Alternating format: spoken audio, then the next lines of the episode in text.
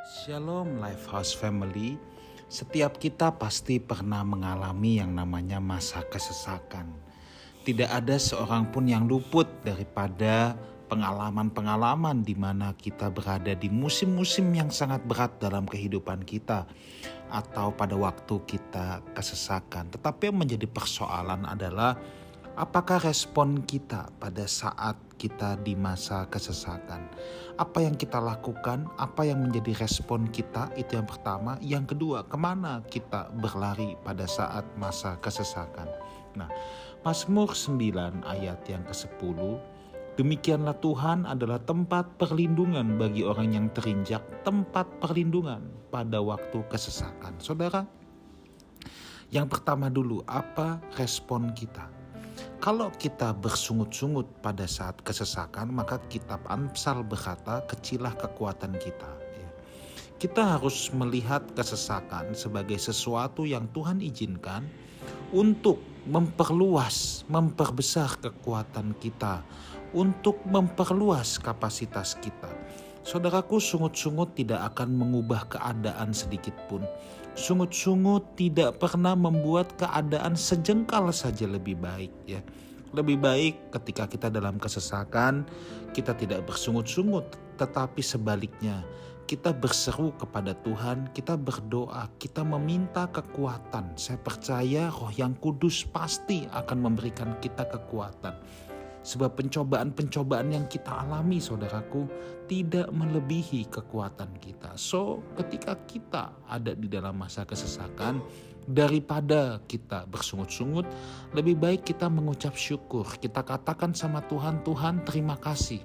Tuhan masih mengizinkan aku untuk melewati masa kesesakan ini, Tuhan masih memberikan aku kesempatan hidup. Berarti Tuhan pasti berikan kekuatan, Tuhan pasti kasih pelajaran buat aku ketika aku di masa kesesakan ini.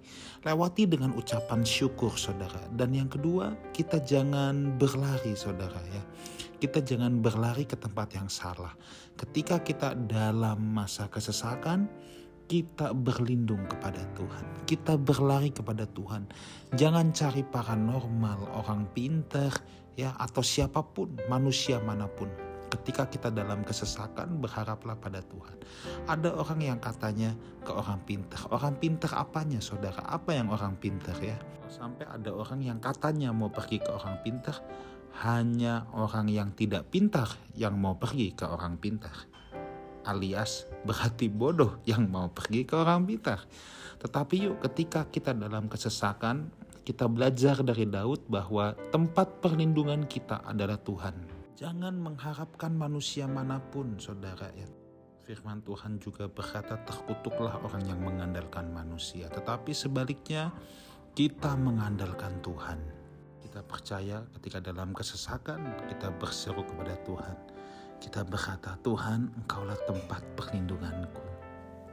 Saudara, percayalah tidak selembar rambut kita pun jatuh tanpa seizin Tuhan. Itulah sebabnya jangan takut, jangan menjadi kecil hati di masa kesesakan, tetapi berlarilah, berlindunglah kepada Tuhan.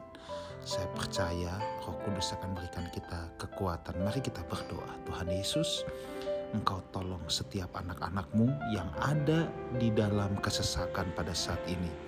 Kiranya rohmu yang kudus berikan kepada kami kekuatan, tuntunan hikmat, serta jalan keluar dari setiap kesesakan kami. Terima kasih dalam nama Tuhan Yesus kami berdoa. Amin.